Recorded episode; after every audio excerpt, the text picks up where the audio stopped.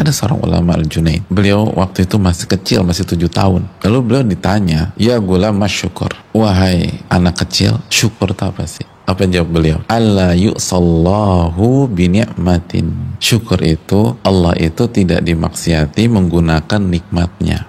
Sadar nggak sih kalau kita bermaksiat kepada Allah, kita gunakan nikmat Allah untuk bermaksiat kepadanya. Beli barang yang haram pakai apa tuh? Pakai duit. Duit itu nikmat Allah bukan? Nikmat Allah. Ngegibahin orang pakai apa? Pakai lisan, pakai jempol sekarang. Itu lisan dan jempol, bukankah itu nikmat Allah? Mendengar gibah pakai apa? Pakai telinga atau membaca gibahan di sosmed itu pakai pakai mata. Bukankah mata dan telinga nikmat Allah Subhanahu wa taala?